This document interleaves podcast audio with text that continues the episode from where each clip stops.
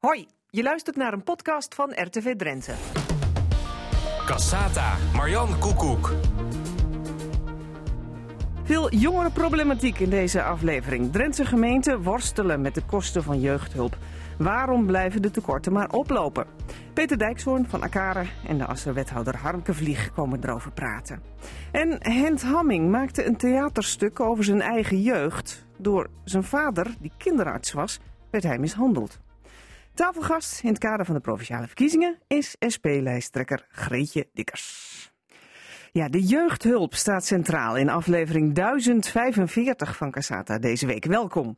Waarom blijven de tekorten in de jeugdzorg maar oplopen? Is er steeds meer vraag? Weten de jongeren de hulpverlening steeds beter te vinden? Of is er gewoon te weinig geld? Peter Dijkshoorn van Akare en de asserwethouder Harmke Vlieg zijn hier om erover te praten. Verder na half één het verhaal van Hent Hamming. Hij kreeg geen hulp als kind toen hij door zijn vader mishandeld werd. Een vader die notabene kinderarts was. Hij heeft er een toneelstuk over gemaakt. En in het forum na één uur gaan we het zeker hebben over de plannen van de NAM om meer gas te gaan winnen uit Drentse velden. Maar eerst natuurlijk de tafelgast van vandaag. In aanloop naar de provinciale verkiezingen is dat deze week de lijsttrekker van de SP, Greetje Dikkers. Goeiedag. Goeiedag. Ja, nieuwe lijsttrekker bij de SP, maar al een, uh, een periode uh, statenlid geweest. Dat klopt. Ja. Ja, ja. Wat zijn de belangrijkste wapenfeiten? De belangrijkste wapenfeiten. Ja, vanuit de oppositie hebben we natuurlijk een heleboel onderwerpen aangedragen. En we hebben uh, met partners uit de provincie punten voor het voetlicht gekregen. Mm -hmm. Een hoop zaken geagendeerd, een, een aantal moties ingediend. Dat zijn uh, wapenfeiten ja. van een, uh, van een oppositiepartij van een ook. oppositiepartij, ja. ja. Is niet balen eigenlijk altijd in de oppositie? Er zijn weinig. Ja, de, ze zijn er, provinciebesturen waar de SP wel mee mag doen, maar ja, vaak zit uw partij in de nou oppositie. nieuwe kansen, zou ik zeggen. Hè? We hebben nu de kans om uh, een nieuwe periode op een andere manier vorm te geven. Zeker. Hangt van de kiezers af. Ja, um, u gaat elkaar trekken, u bent lijsttrekker. Ja. En waarom?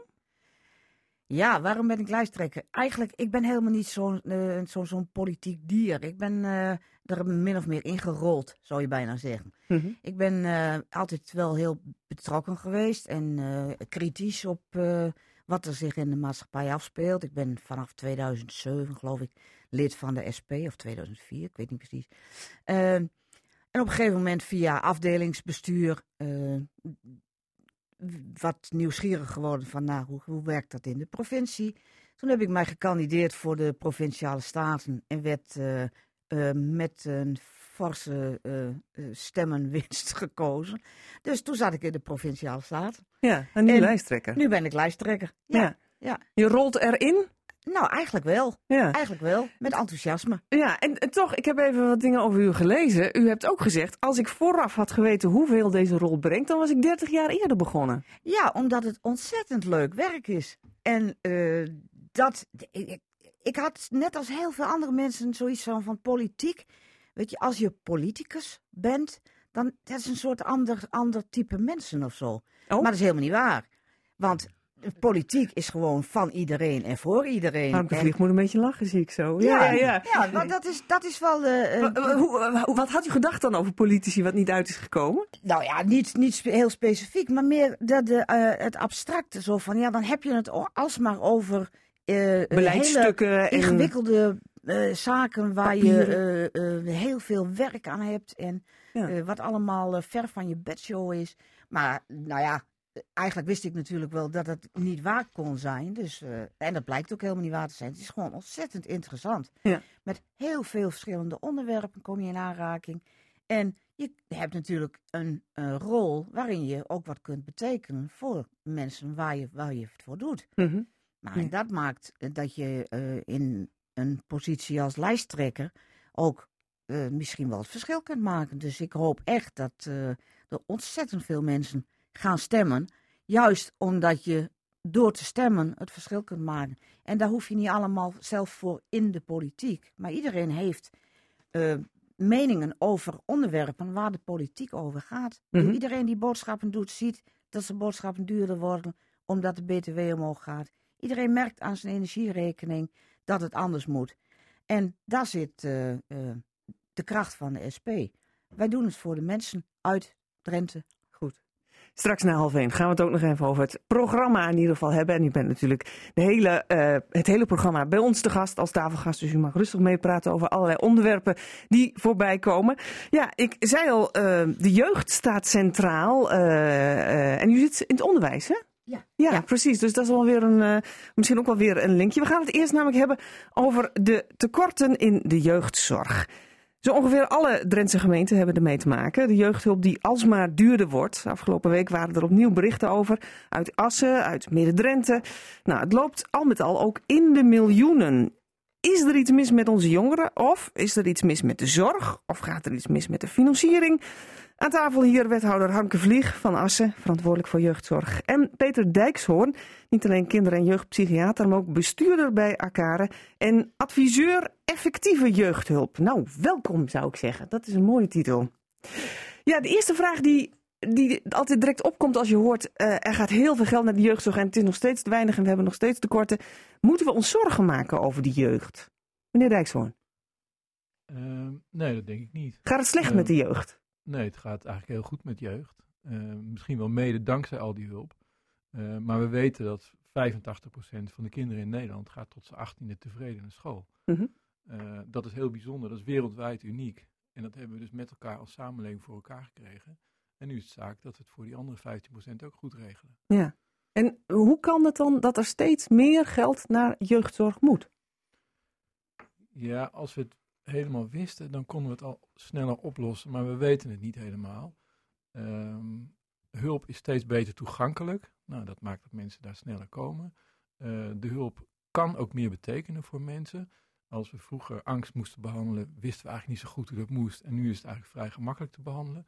Dat horen mensen, dus willen ze met hun angstklachten behandeld worden. Mm -hmm. um, nou ja, zo, zo neemt dat toe. We zijn ook zorgzamer met elkaar. We zien meer. Um, we hebben in, in die nieuwe wet, met de nieuwe wet hebben we wijkteams ingericht. De wijkteams zien ook veel meer. Uh, dat maakt ook dat er weer meer zorgvraag komt. Uh, ja. Ik denk eigenlijk dat het een goede beweging is, maar het kost wel te veel geld. Ja. Het is sinds 2015, uh, Hanke Vlieg, dat, we, dat de gemeenten dit in hun, hun pakketje hebben. Het is overgedragen vanuit het Rijk naar de gemeente. Want vanuit het idee van ja, gemeenten hebben meer zicht op uh, zorg. Had u verwacht dat dit zo uit de klauwen zou lopen qua geld? Ja, dat is natuurlijk altijd moeilijk te voorspellen. We kregen taken vanuit de provincie. Uh, zij deden een deel van de jeugdzorg en vanuit het Rijk inderdaad. Uh, het idee was natuurlijk heel erg, uh, gemeentes kunnen het integraal doen. hebben beter zicht op gezinnen wat er speelt en kunnen daardoor waarschijnlijk ook effectiever doen.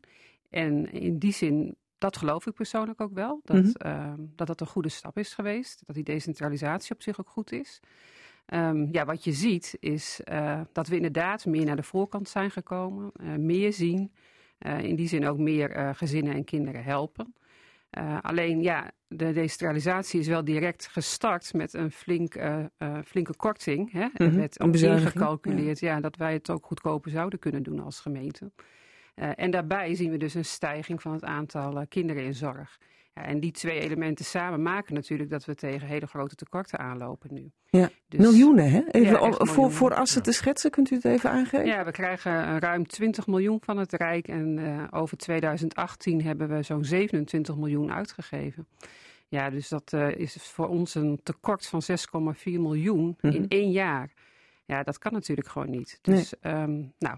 Dat zegt iets over onze inzet uh, richting het Rijk. Wij vinden echt uh, nou, dat het budget bij moet komen, want nou, dit is niet houdbaar. Maar tegelijk willen we dus ook wel heel graag transformeren. En dat is ook een opdracht aan onszelf en aan alle aanbieders van uh, jeugdhulp. Van hoe kunnen we het met elkaar ook beter doen, effectiever doen, sneller erbij zijn, zodat we minder zware zorg hoeven in te zetten. En persoonlijk denk ik ook dat we um, als samenleving een opgave hebben. Als we het hebben over, nou, hoe gaat het nou met de jeugd in ons land, met de kinderen? dan deel ik het beeld uh, van Peter, dat het eigenlijk met heel veel kinderen heel goed gaat en met heel veel gezinnen ook. Um, maar de lat is uh, gedurende alle jaren wel steeds hoger komen te liggen. En dat, dat heeft te maken met de eisen in het onderwijs. Het heeft te maken met de toetscultuur. Het heeft ook te maken met uh, ja, kleinere gezinnen. Dus nou, als je twee kinderen hebt, dan is de focus op die twee kinderen natuurlijk ook heel anders dan dat je er vroeger tien had. Mhm. Eh, dus de verwachtingen die we hebben van onze kinderen. En uh, nou, we willen graag dat onze kinderen succesvol zijn. Um, dat heeft ook wel druk opgeleverd in de hele samenleving met wat we nog kunnen hanteren met elkaar. Hè, en wat we nog acceptabel vinden. Dus wat we nu met elkaar normaal vinden, is wel alsmaar smaller geworden daardoor. Dus we vinden veel sneller met elkaar als samenleving dat, dat dingen afwijkend zijn. Of dat daardoor, daarvoor dus ook hulp nodig zou zijn. Mhm. En ik denk dat we over die beweging ook als samenleving uh, goed met elkaar in gesprek moeten. Mhm. Want uh, als dat een trend is die zich doorzet, ja, dan hebben we straks ja, wel heel veel zorg nodig met elkaar. En of dat op den duur te betalen is, dat vraag ik me af. Ik denk het niet. Ja. Ga ik direct even naar mevrouw Dikkers, want u zit in het onderwijs. Herkent u dat? Dat kinderen eigenlijk steeds meer onder druk staan? Dat er veel eisen aan ze worden gesteld? Komen ze daar zelf mee terug? Uh, ja, dat is wel een van de aspecten waar, waar uh, uh, jongeren mee te maken hebben. Ik, ik werk in het middelbaar beroepsonderwijs. Dus mhm. dan heb je het over jongeren vanaf 16 tot nou ja, ruim in de 20. dus lang niet altijd meer in de categorie jeugdzorg. Maar wij hebben wel, en ik, ik coördineer de, de zorgstructuur, heet het dan. Dus het is eigenlijk de, de ondersteunende routes die we in kunnen zetten voor jongeren waar problemen zijn, die hulp nodig hebben, naast wat in het uh, regulier onderwijs gewoon op, door de mentor of de, de loopbaanadviseur gedaan kan worden. Maar daar zitten vaak mensen bij, en dat is maar een klein percentage, maar die, dat kleine percentage heeft vaak wel grote problematiek. Ja. Ook zo groot dat je het dat vaak vanuit onderwijs ook niet in je eentje kunt. Mhm. Dus daar hebben we de samenwerking ook nodig ja. met de gemeentes en met de zorgpartijen om jongeren overeind te kunnen houden in een onderwijsroute. En ook de kans te geven om uiteindelijk succesvol dat af te sluiten. Ja. U werkt bij Akare, dat is een echte organisatie die zich daarvoor eh, inzet. Tegelijkertijd, u spint er natuurlijk garen bij als u een heleboel jongeren krijgt. Want dat is uw core business. Dat, um, in hoeverre um, bent u ook elkaars tegenstander? Want u kent elkaar goed natuurlijk. U, u spreekt elkaar geregeld over dit onderwerp. Maar ja, het, het is uw werk. U verdient er uw brood mee. Ja, ja, net als iedereen zijn brood verdient, verdient heel, hulpverleners verdienen ook hun brood. Mhm. Ehm, maar we spinnen er natuurlijk geen garen bij in de zin van dat we moeten groeien. Dat hoeft niet. Nee. Uh, we hoeven ook niet meer te verdienen dan we verdienen. Uh, we doen gewoon ons werk. Dus ja, um, ja er garen bij spinnen vind ik eigenlijk niet de juiste uh, woordkeus. Mm -hmm. ja, we verdienen ons geld. Net als een dokter in het ziekenhuis geld verdient. Uh, en een dokter in het ziekenhuis zit niet te wachten op meer zieke kinderen, zodat hij meer kan behandelen. Nou zitten wij ook niet op te wachten. Nee. Um, we hebben als samenleving met elkaar bedacht dat we willen dat kinderen, gezinnen fit door het leven gaan. Dat ze het leven goed aankunnen. Dat ze problemen zelf kunnen oplossen. Mm. Um, nou, als wij het leven steeds complexer maken en de eisen hoger stellen, uh, dan, dan heb je eerder kwetsbaarheden waar, waar ondersteuning bij nodig is. Ja. Um, een proef die al in verschillende gemeenten in Drenthe loopt, volgens mij ook in Assen, is de proef met de praktijkondersteuners bij de huisarts. Vaak als ouders denken van er is iets mis met mijn kind en ze gaan sturen het kind naar die huisarts, dan uh, denkt die huisarts ook, ja, moet ik daar nou precies mee? Nou, dan maar de hulpverlening in. Terwijl dat niet altijd nodig blijkt. En zo'n praktijkondersteuner um, moet het eigenlijk zeg maar even inventariseren van wat is er nou eerst nodig. Dat vat ik goed samen, in de Dijkshoorn. De praktijkondersteuner bij de huisarts is iemand die geschoold is in het soort problematiek wat uh, nou ja, gaat over opvoedproblemen, over psychiatrische problemen, kan van alles zijn. Uh, en als die bij de huisarts zit, dan kan de huisarts uh, al snel daar naartoe doorverwijzen. Dus dan op een vroeg moment kan iemand met verstand van zaken al iets betekenen voor kind en gezin. Mm -hmm. En die kan dus geruststellen en dan kan iemand weer naar huis. Uh, of kan of... adviezen geven en met adviezen naar huis, gaat met adviezen beter. Of kan uiteindelijk wel doorverwijzen. Nou, we zien door het hele land heen uh, wordt dit uitgeprobeerd. Uh, loopt ook onderzoek naar in hoeverre dat nou werkt. en we zien dat daar minder verwijzingen doorkomen. Mm Tegelijkertijd zie je dat er daar dan weer wat meer kinderen geholpen worden. Nou ja, kun je weer de vraag stellen of dat goed is of niet. Um, er worden wat meer kinderen geholpen, maar het kost minder geld. Ja dat klinkt op zich positief, denk ik ook, voor een wethouder. Ja. Nee, het klopt dat we in Assen bij alle huisartsenpraktijken een praktijkondersteunde jeugd hebben uh, toegevoegd. En ik ben zelf nu bezig met een rondje langs alle huisartsenpraktijken om met de huisartsen hierover te spreken, hoe het bevalt en wat ze, wat ze zien. Uh, en wat mij heel erg opvalt, wat ik van ze terugkrijg, is dus ook dat uh, juist ouders en kinderen dit heel erg waarderen. Uh, omdat ze gewoon in hun eigen huisartsenpraktijk geholpen kunnen worden. En nou ja, hè, dat gaat tot zeg maar maximaal vijf gesprekjes ongeveer. Als, als er meer hulp nodig is, dan wordt het doorverwezen. Mm -hmm. En ook daar uh, zijn vervolgens ouders en zorgaanbieders weer heel tevreden over. Omdat er dan al een veel beter beeld is van, nou, wat is er aan de hand? Wat is er ook nodig? En er dus ook veel gerichter al verwezen kan worden. En dat helpt weer om snel de juiste hulp te krijgen. En niet eerst via, nou ja, in het ergste geval meerdere organisaties mm -hmm. gestuurd te worden voordat je passende zorg krijgt. Dus um, ja, de eerste uh, resultaten zijn gewoon heel positief. En over de hele linie zien we inderdaad dat heel veel uh, problemen, in Assen is dat nu zo'n 70% door de praktijkondersteuner opgelost kunnen worden. Mm -hmm. Die hoeven dus niet meer doorgestuurd te worden naar specialistische zorg. Ja. Dus um, ja, voor de kostenbeheersing is dat natuurlijk ook gewoon... Uh, Prettig. Goed nieuws. Ja, ja maar zeker. ook vooral dus voor die gezinnen en kinderen, want daar ja. gaat het mee om. Dat zij geholpen zijn. En het is kwaliteit. En het is mm -hmm. kwaliteit, ja. ja. Scoort Drenthe hier nou uitzonderlijk in? Ik heb het idee, dit speelt eigenlijk wel in alle gemeenten. U zegt ook in het hele land zijn wel dit soort proeven. Maar ik heb het idee dat Noord-Nederland hier um, meer mee te maken heeft dan andere gemeenten. Klopt dat of is dat alleen met mijn beeld? Met, nou, met, zeker met jeugdzorg in ieder geval. Dat, dat die tekorten hier zo oplopen en dat er nee, zoveel beroep op wordt gedaan. gedaan. Door het hele land lopen de tekorten enorm op. Ja. Het is niet specifiek Noord-Nederland. Noord nee. nee. Ik dacht bij mezelf, misschien, misschien uh, is er in het noorden niet zo'n cultuur om snel hulp te zoeken, dat dat ook mee kan spelen. Herkent u dat? Uh, nou, dat hangt een beetje van het gebied af. We weten van Assen bijvoorbeeld dat al heel lang een hoog percentage kinderen hulp krijgt. Mm -hmm. Stedelijk gebied, uh, maakt dat een verschil? Nou, dat, dat nou, is het niet per se. Aanbod creëert ook vraag, denk ik. We ja. hebben hier in de regio ook gewoon hele grote zorgaanbieders ja. die bekend zijn en die ouders ook ja. kennen en die scholen kennen. Uh, dus dat, dat creëert natuurlijk ook vragen. De, de, de toegang is daardoor ook laagdrempelig. Mm -hmm. dus, uh, ja. Aanbod creëert inderdaad vragen. We weten in, in, bijvoorbeeld in Noord-Groningen, waar geen hulp zat, uh, door de nieuwe regelingen is er nu wel hulp. Ja, en ineens is er natuurlijk een enorme consumptie aan hulp. Mm -hmm. um, en als je ziet welke kinderen daar hulp krijgen, wij zitten er als elkaar ook, ja, dan denk ik ook dat het heel erg terecht is. Uh, en dan is het goed dat we als samenleving georganiseerd hebben dat daar nu hulp is. Alleen we hebben het fi financiële kader er nog niet op aangepast. Mm -hmm. En we moeten met elkaar het gesprek voeren of we dat willen. Ja. Het kost gewoon geld, maar dan moeten we, moet het ook betaald worden. Ja. Met elkaar, dan hebben we het ook al snel over Den Haag. Hè? Want u hebt al een keer wel een, een ritje richting Den Haag gemaakt om over dit onderwerp te spreken. Uh, verwacht u iets van het Rijk verder hierin? Nou, Wat bent u daarin aan het doen met name?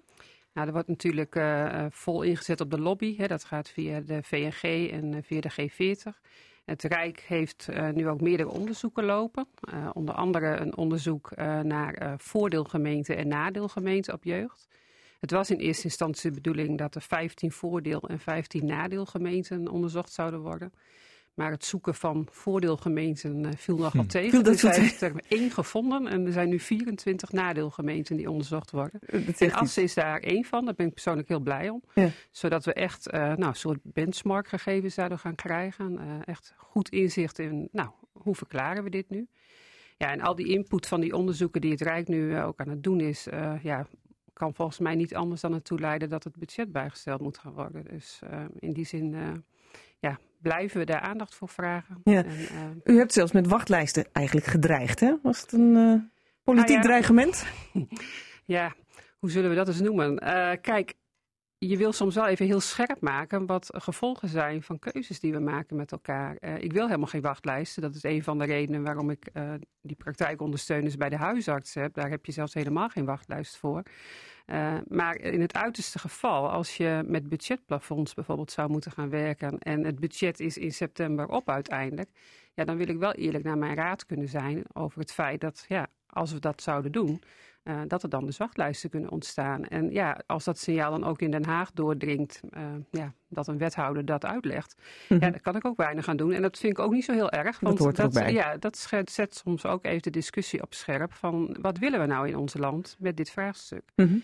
En uh, ja, het is op den duur ook uh, gewoon een keus maken natuurlijk. Ja. Komen we even terug bij het eerste uh, wat we aan de orde hadden. Want de eisen die aan de jeugd worden gesteld, wat willen we nou met dit vraagstuk? Ja. Dat is een veel moeilijker punt om te vatten natuurlijk. Uh, dat zit in, in, ons als ouders natuurlijk, wat we van onze kinderen verwachten en zo.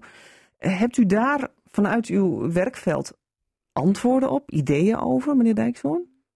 Um, nou ja, alle ouders willen natuurlijk altijd, en dat is al even zo denk ik, dat het beter gaat met hun kinderen. Um, en dat zal altijd wel zo blijven, hoop ik eigenlijk. Uh, als samenleving stellen we ook eisen. Uh, we hebben nog, ik weet niet hoe lang het geleden is, maar in de Tweede Kamer een minister die had het over een zesjescultuur. Dat mag vooral niet zo zijn. Nou, dat betekent dus dat we een 7,5 cultuur willen hebben. Als we een 7,5 cultuur willen hebben, dan eisen we van kinderen dat ze meedoen. Als we vervolgens ook nog van scholen eisen dat, dat kinderen eigenlijk niet mogen blijven zitten, um, ja, dan voer je voort, voortdurend de druk op ja. om maar om, om toch maar hulp te zoeken. Dus we moeten of kinderen die op de HAVO zitten en die dreigen te blijven zitten en zeggen, ja, ga jij maar naar het VMBO, uh, want anders blijf je zitten en dat mag niet. Uh, of we moeten hulp bieden, uh, zodat die kinderen niet hoeven te blijven zitten. Of we moeten terug en zeggen, ja, waarom is het zo erg dat een kind een keer blijft zitten? Ja. Um, en waarom is het erg om met zes door de school te komen? Mm -hmm. um, maar we, we, we, we, drijven het wel met elkaar een beetje op. Ja. En dat heeft voordelen, want we zijn een, een, een samenleving waar we veel moeten hebben van, uh, van goed opgeleide mensen. We zijn geen agrarische cultuur meer. Uh, trouwens, in de agrarische cultuur tegenwoordig moet je ook hoog opgeleid zijn, zijn, anders zeker. het ook niet. Ja, ja, ja. Uh, dus we zijn een, een, samenleving waar iedereen hoog opgeleid moet zijn. En iedereen moet flexibel zijn. Je moet eigenlijk elke vijf jaar van baan kunnen veranderen. Ja, als we dat hebben, dan hebben we dus kinderen nodig die opgroeien naar volwassenen die dat ook aankunnen. En dan, dan leggen we de lat hoog. Ja, maar dat is een heel groot vraagstuk wat je ja. niet zomaar hebt opgelost. Nee. Nee, kan nee maar wat je dus wel mee moet nemen in het gesprek, want als, dat moeten we erkennen, dat die samenleving zo is. En, en dan moeten we zeggen, oké, okay, hij is zo, of we maken, het, we maken het een onsje minder, of we laten het zo. Maar dan moeten we ook kinderen helpen om in die samenleving te kunnen functioneren. Ja. Maar dan moeten we het betalen, voor zover dat kan. En dan moeten we keuzes in doen. Ja. Wat is uw inzet in deze moeilijke discussie? Nou, in ieder geval die discussie aangaan en uh, die ook breed aangaan. En dat dat gaat van ouders tot scholen, uh, met de zorgaanbieders. Nou, in het transformatieakkoord is dit eigenlijk ook wel al een ja. thema geweest dat we met de vijf grootste aanbieders hebben gesloten. Maar ik ga ook nu met het onderwijs hier uh, het gesprek over aan. Kijk, passend onderwijs was natuurlijk helemaal vanuit het idee, we maken het onderwijs passend voor elk kind. Mm -hmm. Maar ik ben wel eens bang dat het nu omgedraaid is. Dat we elk kind passend aan het maken zijn om nog in dat onderwijs mee te kunnen doen. En dat doen we dan door uh, nou ja, bijvoorbeeld medicatie te geven, omdat het anders te druk is in de klas. Of, ja. um, nou, het gaat haast naar dat soort oplossingen. En dat willen we allemaal helemaal niet, volgens mij. Dus um, we moeten ook weer gaan zoeken naar hoe kunnen we dit samen dan zo inrichten? En misschien moeten we dan wel heel andere dingen doen dan we nu aan het doen zijn met elkaar. En daar heb je de expertise van iedereen voor nodig. En moet je ook samen het gesprek over gaan voeren. Je zegt heel andere dingen, dan ben, maakt u mij onmiddellijk nieuwsgierig. Ja, nou ja, kijk, je kunt. Uh, ik hoor vanuit de huisartsen dus inderdaad. Scholen sturen kinderen in met uh, ja, te druk. Uh, nou, graag Ritalin, hè, Mhm. ADHD-diagnose. En, en dat, dat helpt. En dat, dat helpt natuurlijk ook. Alleen, eh, ja, misschien moeten we ook wel zeggen. eh, een, een, Laat dat in kind elke- gewoon een keer druk ja, zijn. maar misschien ook een onderwijsassistent eh, erbij in de klas. Of misschien wel kleinere klassen. Misschien is dat wel de oplossing. En dan is het helemaal niet erg dat het ene kind af en toe wat van zijn stoel stapt. En de ander Mhm. heel geconcentreerd kan werken. Hè? Kijk, je wil ieder kind optimale ontwikkelkansen bieden. Maar het is maar de vraag of de oplossingen die we nu altijd bieden met elkaar. wel echt in het belang van het kind zijn. Want eigenlijk vind ik dat we nu kinderen vaak dus de schuld geven van het systeem waarin ze moeten opgroeien. En eigenlijk wordt er, als je een kind, eh, nou ja, de kinderpsychiatrie inleidt en het krijgt vervolgens een diagnose, wordt natuurlijk tegen het kind gezegd, het ligt aan jou. Hè? Het ligt niet aan de leerkracht, het ligt niet aan je ouders. Mhm. Jij Jij past niet in het systeem. Ja, iets in jouw hersenen of zo gaat niet goed. Dat gaat best wel ver, hè? Mhm. En soms is dat zo. Ik bedoel, voor, de, voor een deel van de kinderen is dat waar. Maar ik ben wel bang dat het eh, te veel naar die oplossingen is gaan tenderen. En dat we te weinig met elkaar nog kijken naar heel andere oplossingen. Ja. Die misschien wel veel meer in het belang van het kind zijn. En dat een kind ook gewoon mag zijn wie die is. Mooi vraagstuk, moeilijk vraagstuk. Moeilijk vraagstuk. Ja, en voor nu moeten we het even bij laten. Eh, ik dank u hartelijk dat u erover mee wilde praten. Peter Dijkshoorn van Akare, wethouder Hamke Vlieg van Assen. Zometeen aandacht voor een bijzonder theaterstuk. Een zoon die op het toneel vertelt over de mishandelingen die hij vroeger thuis onderging. Van een vader die kinderarts was. Het verhaal van Hent Hamming. Maar eerst verder met de politiek. Ik heb de stempas al binnen. Ik zag het toevallig, uh, volgens mij is hij net gisteren verspreid. Het woord is aan onze tafelgast. Greetje Dikkers, lijsttrekker voor de SP. Ja, ik heb jullie programmapunten eens even bekeken. Het hele, hele, hele lijstje wat jullie op de site hebben staan natuurlijk. Ik zal het iedereen ook aanraden natuurlijk om uh, een keuze te maken. En eens even te kijken wat er allemaal bij de verschillende partijen te halen valt. Het viel mij op. Het eerste programmapunt bij de SP, milieu en energie.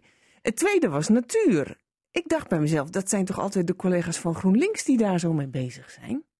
Nou, het is altijd ook een uh, onderdeel geweest van het programma van de SP. Uh, milieu en natuur gaat natuurlijk ons, uh, hand in hand. En landbouw daaraan gepaard. Ja, dat zijn onderwerpen die in Drenthe voor de provincie natuurlijk reuze belangrijk zijn. Dus niet zo verwonderlijk dat we. Er staat niets, niets nieuws in ten opzichte van een lijn die we eerder gevolgd hebben. Nee, nee, maar nee. qua prioriteit. Ik, eh, ik vind de SP, als je ze vergelijkt met andere partijen op links, altijd toch meer voor de arbeider, zou ik maar even op zijn ouderwets uh, zeggen. En niet zozeer uh, groen. De SP is echt rood. U hebt niet voor niks een rode nee, jas aan uh, vandaag. Dat ja, is absoluut toch? waar. Ja, Dacht ja, ik. Ja, ja, ja, ja. ja, en toch, ik zie ook bij u staan dat biologische landbouw, dierenwelzijn. Daar zijn andere partijen ook wel heel erg mee bezig. Ja, maar goed, wij hebben natuurlijk een partijprogramma dat samengesteld wordt vanuit uh, uh, onze eigen partijleden. Wij maken ons eigen programma. Mhm. Mm -hmm. En de inbreng van onze eigen mensen heeft ook ertoe geleid dat dit uh, prominent in het programma staat. Dus, is, is de SP groener aan het worden? Uh, of is de SP in Drenthe misschien groener aan het worden? Nou, dat zou mogelijk wel uh, zo kunnen zijn. Ik heb het niet vergeleken met andere provincies of dat. en de volgorde waarin de hoofdstukken opgenomen worden, ja, dat, daar kun je natuurlijk ook iets mee spelen. Dus ja, ja dat, uh, dat wij uh, duidelijk uh, standpunten met betrekking tot milieu en natuur hebben. Dat klopt. Ja, een van de onderwerpen, want ik zei net al, de SP associeer ik altijd met de arbeider, zeg maar, van vroeger. onderwerpen waar het afgelopen tijd over ging, was een rapport over werkgelegenheidsprojecten. Over in hoeverre de provincie ook geld moet steken in allerlei projecten om mensen aan het werk te helpen. Ik denk dat u daar als SP doorgaans graag uw, uw fiat aan geeft, dat u dat heel belangrijk vindt. Maar toch bleek uit dat rapport juist dat het altijd maar de vraag is of dat geld nou echt goed besteed is. Wat hebt u daarover gedacht toen u daarmee bezig was? Nou, het grappige is, ik ben in mijn werkzame leven ook projectleider. En projecten, die normaal gesproken hebben projecten duidelijke doelen, een kop en een staart. En dan kun je volgen of je haalt wat je zegt dat je wilt bereiken. Mm -hmm. En de projecten rondom die werkgelegenheidsonderwerpen, uh, uh, waar heel veel geld vaak in omgaat, die zijn niet altijd transparant. Dus wij zijn zeker voorstander van projecten rondom werkgelegenheid. Maar we willen ook heel graag kunnen zien, wat heeft dat dan opgeleverd? En hoe concreet is dat nou? En hoeveel banen zijn daar dan tevoorschijn gekomen uit die investering? Of uit die subsidieregeling. Ja. Nou, en daar zit de, de, het probleem van, dat is gewoon onvoldoende transparant. En daar kunnen we heel uh, uh, daar kunnen we niet goed de vinger achter krijgen van, klopt dit nou en hebben we nou ook werkelijk op de goede manier het geld ingezet? En dat heb je als uh, provinciale staten natuurlijk een controlerende functie in. Mhm. Dus daar hamerde dat rapport vooral op. Ja, maar u wilt wel mee verder gaan met dit soort werkgelegenheidsprojecten? Werkgelegenheidsprojecten op zich, ja, die, daar, daar kun je niet tegen zijn. Mhm. Maar de manier waarop, het moet wel werk opleveren. Ja. Goed. Nou, na één uur hebben we een aantal stellingen uh, voor u, waar we u uh, natuurlijk ook naar gaan vragen wat u daarvan vindt. Dat zijn vaste stellingen die we aan elke lijsttrekker voortrekken, uh, voor, voorleggen. Dus daar gaan we na één uur verder over hebben. Dan kunt u uw standpunten nog verder duidelijk maken. Mooi. Eerst een heel ander onderwerp. Ja, het komt in de beste families voor, zoiets werd wel gezegd, van ziektes of vreemd gedrag of afwijkingen. Maar dat in het gezin van een kinderarts de kinderen worden mishandeld dat is toch moeilijk voor te stellen. Uh, ondernemer Hent Hamming woont in Eelde. Heeft er zo'n 50 jaar na dato, schat ik zo even in, een theaterstuk over gemaakt. En deze maand wordt het opgevoerd in Roden. IJs heet het. IJs. Dun ijs. Gevaarlijk ijs. Onbetrouwbaar ijs. Van waar die titel? Hardijs. Hardijs. Uh, nou, dat eigenlijk al associaties die je er nu bij geeft die hebben daar, op van zijn daarvan op toepa van toepassing. maar, maar eigenlijk met name nog het hartijs. als het maar hard genoeg is, dan blijft je lang staan. Mhm. En in hoever, op welke manier had het betrekking op uw jeugd? Ehm, ehm, nou, laten we zeggen, de afgelopen weken heb ik er al heel veel eigenlijk over gezegd. Ja, wat heeft het voor betrekking op mij?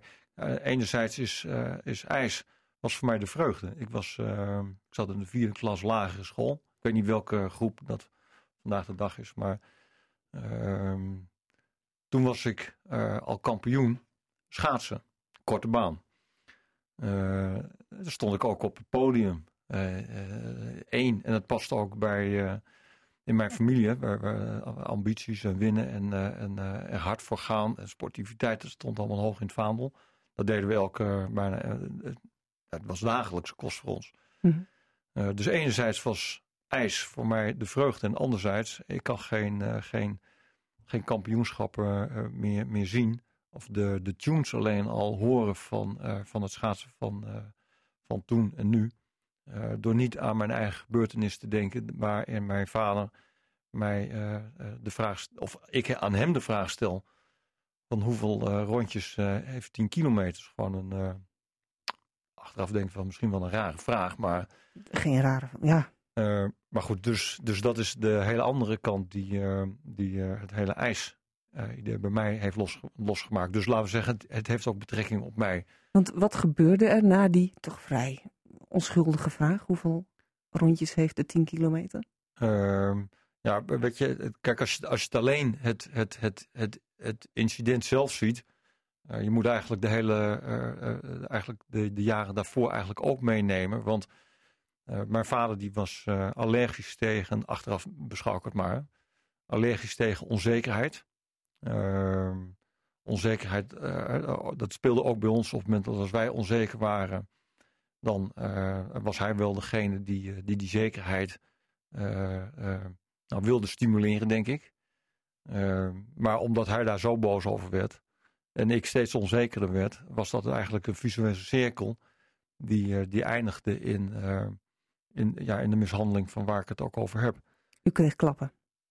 Ik, ja, hij, hij, dus ik, ik vroeg van wat is tien, hoeveel rondjes is 10 kilometer?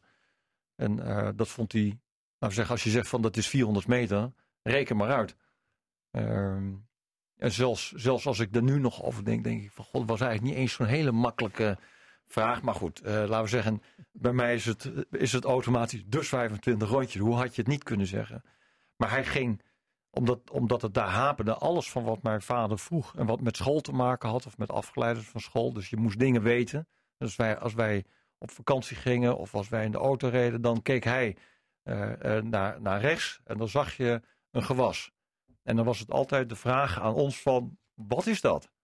En dan begon bij ons altijd al, in ieder geval bij mij, de stress. Oh God, uh, ja, um, als je zei graan, laten we zeggen, dan was dat een soort naam. Dan moest het, al, het moest altijd heel specifiek en je moest het direct weten. En met die rondjesvragen wist ik dat dus niet. Dus ik, ik had sowieso al een freeze op het moment dat als hij met zo'n vraag kwam. Dus ik kreeg die vraag terug. En vervolgens moest ik dan gaan rekenen. Nou, alles blokkeerde. En, en daarna dacht hij van, dan ga ik het makkelijker maken. En dan zeg ik van, nou bijvoorbeeld, hoeveel is dan, als één rondje 400 meter is, bedenk dan wat is dan 1500 meter. Alsof, laten we zeggen, 10.000. Mhm. En, en, uh, en, daarna begon het uh, dat hij ging aftellen. Dus je krijgt nog, ik tel tot 10 en als je het dan niet weet. Dus nou, dat, dat, werd helemaal niks. En dat werd, toen begon het slaan en te schoppen. Ja. Bij een kinderarts. Dat is eigenlijk onvoorstelbaar. In een gezin van een kinderarts dat u dit overkomt. Ja. ja. Weet je, toen heb ik dat onderscheid nog niet gemaakt. Uh, U dacht daar niet zo over na als kind? Nee, nee kijk, als, ik heb mijn, mijn jeugd gewoon altijd in een, in een soort, het was een soort angst.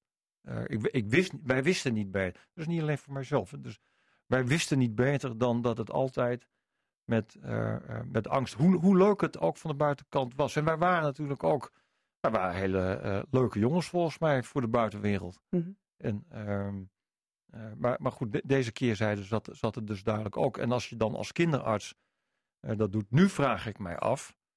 Uh, hij, wij woonden in, in, in, aan de Singel in Groningen. Prachtig mooi. Allemaal artsachtige types die daar wonen en leuke gezinnen. mijn vader had daar een praktijk. Maar even zo goed stonden wij beneden in het souterrain. En konden wij, hij liet ons ook staan. met je broek naar beneden. hij liet ons zelf het hout uitkiezen. En dan weet ik nog, van dat ik met mijn broertje stonden we af van hoe, hoe, hoe lang is tien, eh, hoe, hoeveel is tien klappen. En nou, dat gaat dan maar door. En daarna ging hij weer naar boven als hij dat had gedaan. En dan ging hij, de, ging hij in de praktijk. En ik heb mij dus altijd afgevraagd van later, dus uiteraard niet toen, wij gingen gewoon naar school. is dat dan niemand opgevallen op die school? hoe krijgt hij het voor elkaar? Ehm, eh, dat je dat doet en dat je daarna eh, eh, weer, weer kinderen gaat redden. Mhm. En wat voor een. Wat, ik heb me afgevraagd van wat is dan het gesprek die mijn ouders later, s'avonds, voor het slapen gaan hebben. En laten we zeggen, mijn voorstelling gaat er ook over. Het gaat niet alleen over die incidenten. Het, het, is, het is gewoon tot aan mijn 16 is dat doorgegaan. Dus het is een aaneenschakeling van. Ehm, en als je dat dan. Het is, misschien is alles wel begrijpelijk. U bent geen theatermaker. Nee. En waarom moest dit een theaterstuk worden? Uh, ja, voor mijzelf. Uh, ik zou bijna willen zeggen van uh, hoe had ik het anders kunnen doen? Ik ben ook geen boekschrijver. Maar u zoekt het podium. U wilt erover vertellen. Is, ik moet deze vraag stellen. Is alles wat u vertelt waar gebeurd? Ehm, ja, eh, voor mij zeker. Eh, ik ben blij dat mijn eh, zusjes die zijn naar de, naar de, naar de eerste try-out gegaan. En die herkenden zich daar gelukkig. Dus ik krijg ook berichten van mijn broers. Die herkennen zich daar ook in. wat is waar, hè? Mhm. ik, heb, ik heb voor mezelf, weet je, dat is ook de grootste angst volgens mij die je hebt. Ik heb, eigenlijk als kind heb je altijd, altijd het gevoel dat het huis van waarin je woonde altijd groter is dan de werkelijkheid. Dus als je dan later terugkomt en je ziet van waar je gewoond hebt, dan denk je van, nou, zo groot was het niet. Nou, ik heb in, in Glimmen gewoond. Als ik nu nog naar dat huis kijk, dan denk ik van, dat is, dat is gewoon een villa. Met niet een tuin, maar een, een park. Dus nee, elke keer weer het moment dat ik alleen al zelf denk van, ja, overdrijf niet. Kijk, dat was, dat was de trigger die mijn moeder bij mij losmaakte. Die had het over blauwe plekken. Het is voor het eerst van dat, ik, uh, dat, ze dat, noemde? ja, dat, dat ze dat noemde. En ze zei, dat waren geen blauwe plekken. Ik lag van onder tot boven lag ik open. Hij heeft mij gewoon een ochtend lang op dat ene moment, maar ik, ik kan nog wel duizend andere voorbeelden aanhalen. Op dat ene moment heeft hij, heeft hij dat gedaan. En uh, zij, zij, zij deed dat af uh, als blauwe plek. Uh, en daar blokkeerde ik richting mijn moeders. Dus ik deed eigenlijk vanaf dat moment denk ik gewoon niet meer mee. Ik wilde met haar het erover hebben. Zij was erbij. Ja. Zij heeft mij verbonden. Niet. Ik ben naar school gegaan. En vandaag de dag, als je, zelfs als je nu nog de mensen op school, uh, mijn, mijn, mijn lagere school daarna vraagt, wat, wat de, de journalisten gedaan heeft, dan gaan daar nog steeds de luiken dicht. Ehm, mijn vader is ontboden. Nou, waar, wanneer haal je een vader naar, naar school? Dus op je vraag, is het waar? Ja, weet je, I don't care. Ik vraag het ook omdat uw ouders zijn overleden. Ze kunnen zich natuurlijk niet verdedigen. Nee, dat verdedigen, dat vind ik eigenlijk ook wel een mooie term. Ik vraag me eigenlijk af van waarvoor zouden ze zich moeten verdedigen?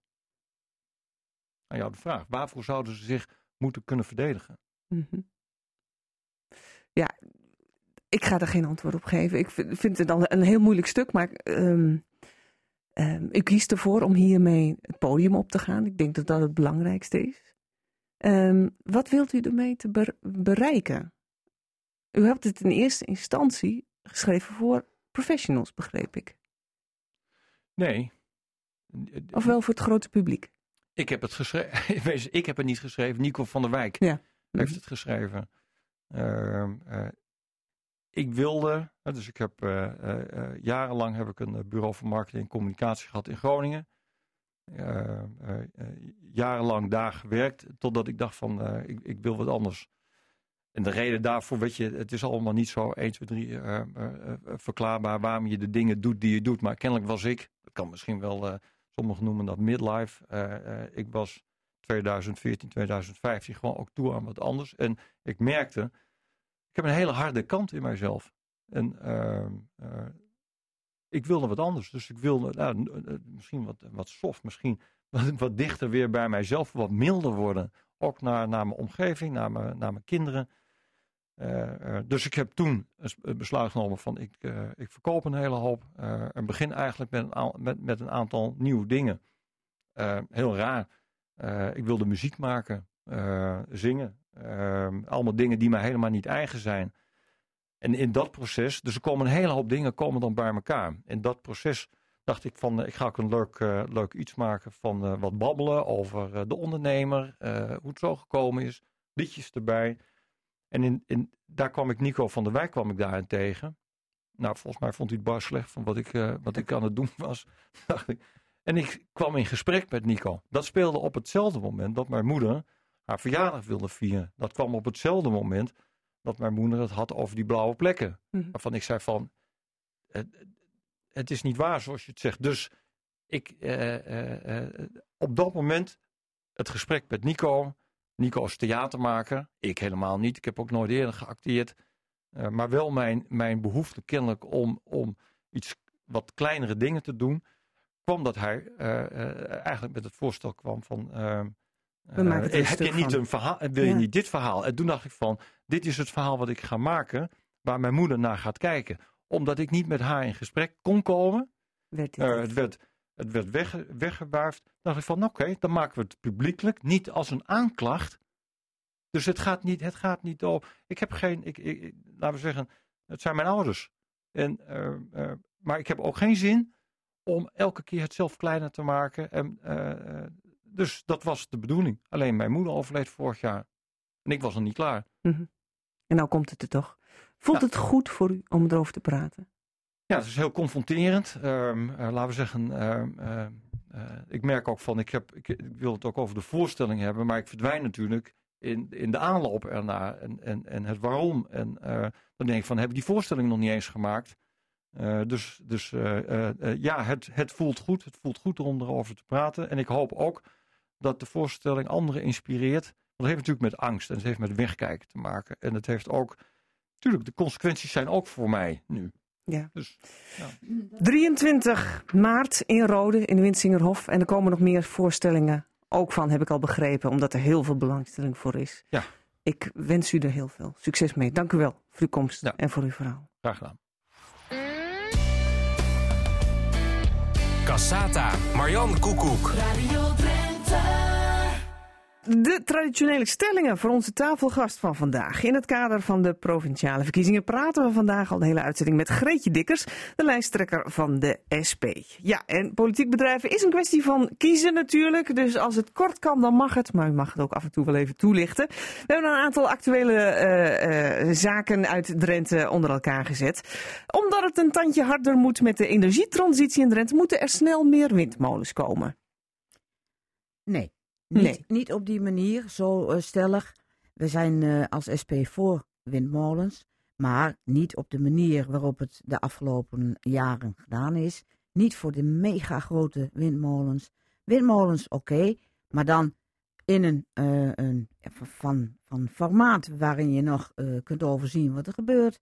Op industrieterreinen, op braakliggende stukken grond mogelijk maar niet uh, uh, mega windparken en altijd in overeenstemming en afstemming met de bevolking en met draagvlak en niet uh, opgelegd. Mm -hmm. Ja, we blijven even bij die energietransitie, want zodra het elektriciteitsnet het toelaat, moeten er ook zeker grote zonneparken worden aangelegd. Want met alleen het volleggen van daken kom je er niet. Nou, dat is nog maar de vraag, want er is ontzettend veel oppervlakte op daken.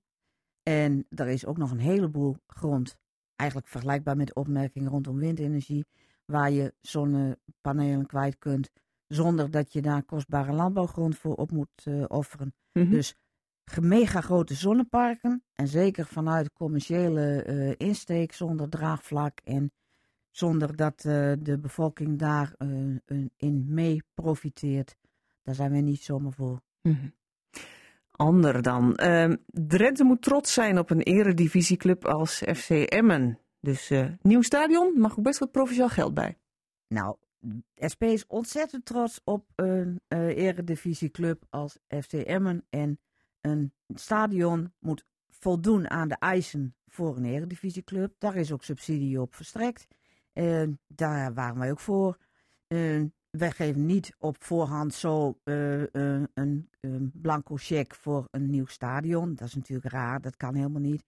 Publiek geld uh, moet je inzetten zodanig dat ook het voor een breed publiek beschikbaar is. En nou, als je het over sport hebt, dan heb je het over breedte sport en niet over individuele acties. Maar tegelijkertijd, het is natuurlijk wel een club en een, een ja, er is wel heel veel wat speelt rondom FCM. En dat is niet alleen die stukjes eredivisiewedstrijden, maar ze hebben ook hun uh, verhaal en maatschappelijke mm -hmm. activiteiten. Dus mm, daar valt over te praten. Ja. Laten we het zo zeggen. Weet u waar ze staan eigenlijk in de stand in de Eredivisie? Nou, als ik het goed heb in de linkerhelft. Maar zelfs dat weet ik niet helemaal. ja, ik ben wel bij de eerste wedstrijd geweest die ze als eredivisieclub speelden. En dat was mijn eerste wedstrijd ooit. Ooit, ja, ja, ja. ja, ja. Zoveel weet ik van voetbal. um, nou, we blijven even bij de sport. De Formule 1 naar het TT-circuit in Assen. Vol gas, ook daar mag wel wat geld bij. Nou, ze zijn van harte welkom. En ik denk dat dat ook een uh, Assen daar bij uitstek geschikt voor is. Maar een uitermate commerciële sport en uh, geen publiek geld daarin. Nee. Nee, dat niet. Veilige wegen, dat is een groot goed. De N34 moet hoe dan ook verdubbeld worden. Nee. Nee? Moet die blijven niet. zoals die is? In principe moet je een weg zoals die N34 niet verdubbelen. Daar, daar zijn wij als SP ook altijd heel duidelijk in geweest. Daar, uh, uh, dat is drie minuten tijdwinst op de lengte van Groningen naar, uh, van, van de punt van, tot Emmen, mm -hmm. als ik me niet vergis.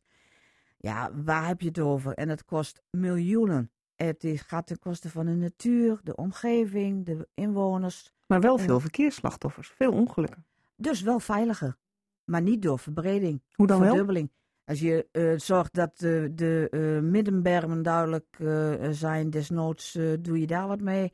De zij, hoe noem je dat, de bermen aan de zijkanten. Ehm, vertragingen erin. En gewoon zorgen dat je, wat ons betreft, 80 kilometer. Mm -hmm. Hard genoeg. Want het maakt echt op dat stukje niet zo gek veel uit. En verdubbelen op onderdelen, alleen maar uh, weggegooid geld. Groningen Airport Eelde dan, ook altijd een hete hangijzer in de provinciale politiek. Belangrijke voorziening voor de regio. Um, geld van de overheid mag daar best naartoe gaan.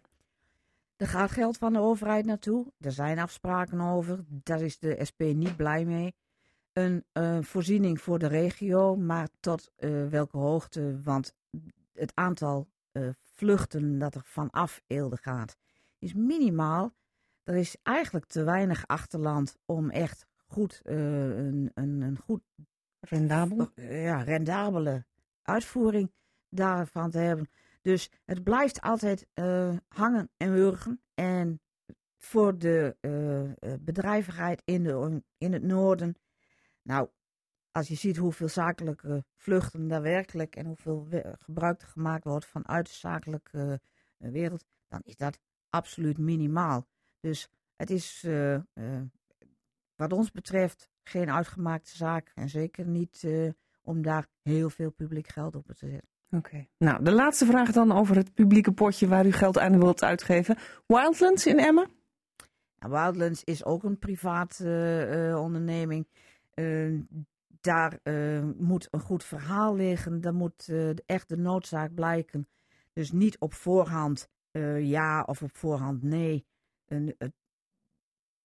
om te laten vallen, wel heel erg groot. Maar om daar op voorhand zo van te zeggen van daar kan geld bij, ook niet. Want er moet een goed verhaal onder liggen. Het moet echt noodzakelijk zijn en het moet ook een, een verbetering zijn in de bedrijfsvoering. Goed. De stellingen waren dat. En uh, uiteraard hebben we de komende weken nog meer lijsttrekkers. We gaan ze ook een beetje samenvatten. Dat kan ik alvast even verklappen. Uh, want 20 maart, zeg ik het goed? 20 maart, hè? Ja, ja dan zijn de verkiezingen al. Ja. Dus Margriet gaat de komende weken nog een aantal debatten ook organiseren met de wat grotere partijen. Maar tot zover de stellingen van vandaag. Dankjewel, Greetje Dikkers. Zijn. Ja, en we gaan kijken natuurlijk wat dat in de komende weken gaat afleveren. Eerst gaan we verder met... Cassata, het radioforum. Ja, daar gaan we natuurlijk ook lekker discussiëren over actuele politieke onderwerpen. En dat doen we met...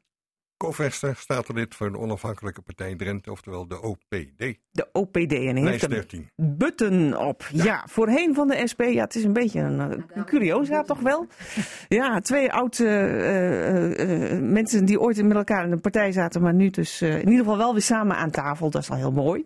Verder hebben wij natuurlijk Agnes Mulder, ik ben Tweede Kamerlid voor het CDA en ik woon in Assen. Dacht ik. En Greetje Dikkers praat natuurlijk ook mee.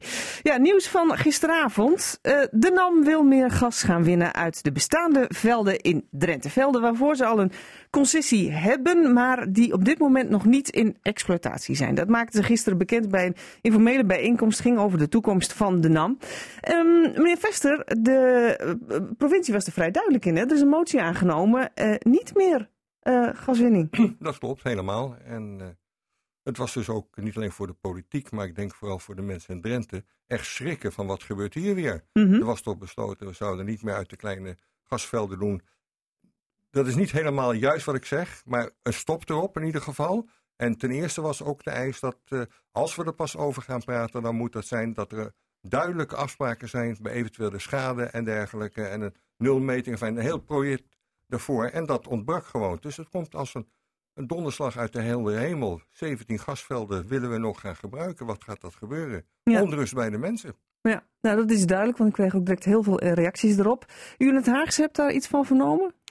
Ja, of in kijk, ik las natuurlijk gisteren ook en ik ben woordvoerder voor energie, afval, grondstoffen, duurzaamheid, klimaat. Dus dit is een onderwerp wat ik uh, natuurlijk heel vaak in de Tweede Kamer ook aan, uh, aan de orde breng. Mm -hmm. We hebben bijvoorbeeld volgende week nog een motie die, uh, wordt, die wordt positief over gestemd. Met heel veel collega's uit de Tweede Kamer. Van wat zijn nou de randvoorwaarden voor die kleine velden? Hè? Ja. Als we dat dan al toestaan, waar moet het dan aan voldoen? Nou, dat is een motie over Steenwijkerland in dit geval. Maar dat geldt net zo goed natuurlijk voor de gasvelden hier in Drenthe. Kijk, wat maar wij moet het mogen? Moeten dan al deze velden verder kunnen exploiteren wat u betreft? Nou, we hebben met elkaar uh, afgesproken in de Tweede Kamer dat we een, een kleine veldenbeleid uh, hebben.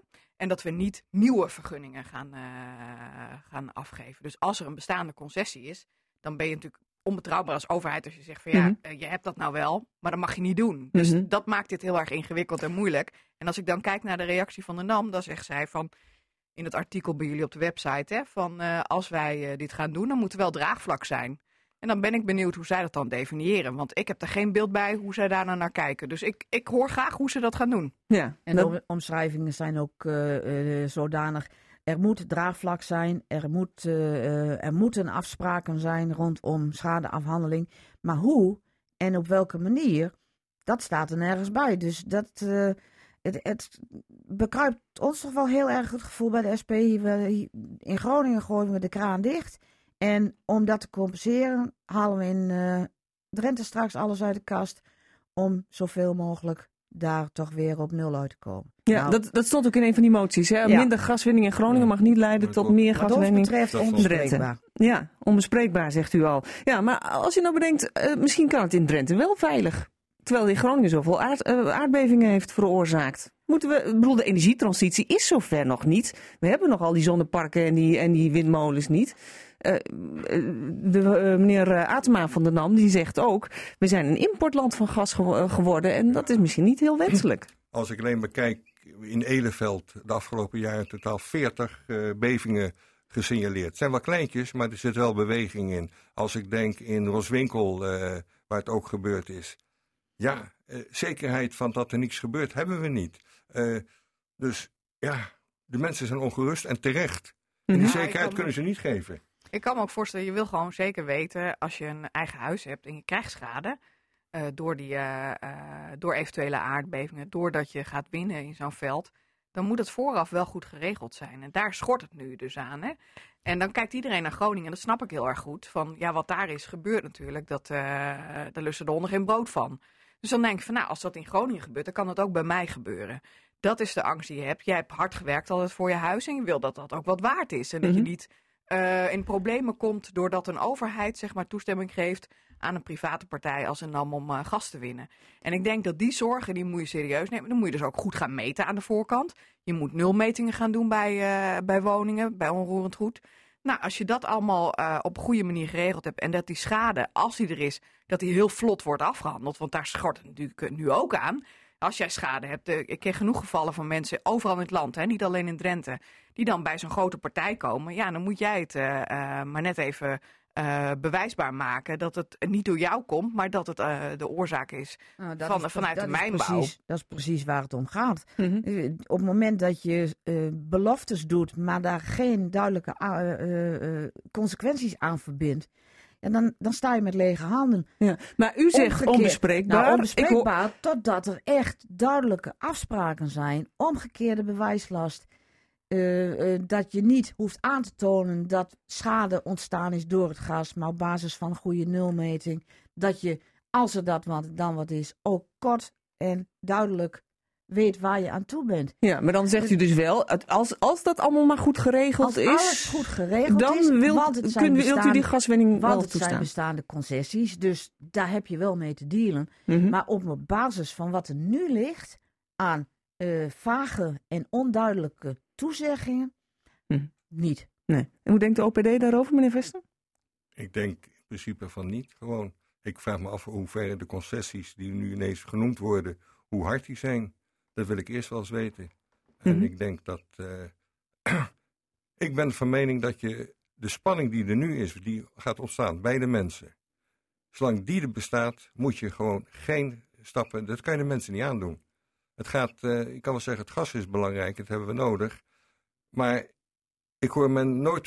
We kunnen ook importeren, gas importeren. En dan komen ze, ja, maar Rusland is onzeker. Dan denk ik, kijk eens naar de gasvoorraden, want gas is makkelijk te transporteren dan die er in, uh, in Israël zijn. Enorme hoeveelheden daar zo. Hm. En ik ga daar ja. naar kijken ja. en gaan hier niet de mensen met de angst opzagen van wat gaat er gebeuren. Maar, maar, maar dan wil ik u ook nog even voor de voeten werpen. Er zijn wel 6000 banen bij olie- en gaswinning in Drenthe betrokken. Die gaan, zijn sowieso, dat is niet afhankelijk van deze kleine velden, nee. die een kleine maar tijd in zijn in het algemeen. En daar moet inderdaad een oplossing worden, gezo worden gezocht. Van hoe kunnen we met die energietransitie daar ook voor die mensen de stap maken uh, van het veranderen, andere werkvoorzieningen treffen. Mm -hmm. Ja. Nou, ik denk gewoon dat de NAM, hè, die heeft nou een aantal dingen gezegd, uh, lees ik bij jullie op de website, die moet dat maar eens uh, gaan nakomen dan. Mm -hmm. Dat ze niet beginnen voordat uh, al die randvoorwaarden geregeld zijn. Ja, want wat gaat u hiermee doen? Ja, we hebben binnenkort weer een, een in commissiedebat in Den Haag. Mhm. Mm -hmm. En daar zal ik dit ook naar voren brengen, vragen over stellen. Dat hebben we nog aankomende maand. Dus daar gaan we het over hebben met de minister. Want Ja. hij heeft ook ons ook een brief gestuurd, hè, hoe hij aankijkt tegen kleine veldenbeleid. En uh, aan welke randvoorwaarden dat moet voldoen. Mm -hmm. Maar ik ben wel benieuwd van hoe ga je dat dan meten met dat draagvlak? Want uh, dat is kennelijk iets wat de NAM zelf naar voren brengt. En ik ben daar gewoon heel erg benieuwd naar. Dus laat Ja. de minister daar maar antwoord op geven. Het, En ook het- klinkt, het ja. klinkt op dit moment nog een beetje naar eh, ehm, vage toezeggingen. En we weten waar het eh, eh, knelt en schuurt. Dus daar gaan we rekening mee houden. Maar zolang daar niet duidelijk is hoe en eh, op welke manier, dan is het nog niks meer dan een vage toezegging. Beetje Komt ongetwijfeld ook wel weer aan de orde in provinciale. Ja, staten. Goed, nou, doen we een ander onderwerp. Ehm Hogeveen was deze week in het nieuws in verband met de, wat we dan maar noemen de ASO-AZC. Officieel heet het een EBTL. Ehm, over de veiligheid in eh, dat AZC, daar was het een en ander om te doen. Het personeel heeft er moeite mee om het werk aan te kunnen. Ehm, had Hogeveen überhaupt akkoord moeten gaan met dit ASO-AZC binnen de gemeentegrenzen? Meneer Vester? Ja, waarom niet? Er waren goede afspraken voor gemaakt, dacht men. Ja. Het gaat om relatief kleine aantallen. Uh, het zijn uh, ook mensen waar we als Nederland gewoon verantwoordelijk voor hebben, nu ze zolang ze in Nederland zijn. Dus daar moet je rekenen. En dit is, zou het een goede oplossing zijn. Dat het niet uitpakt zoals men het had ingeschat, dat is een tweede. Maar je weet dat het probleemgevallen zijn die je binnenhaalt.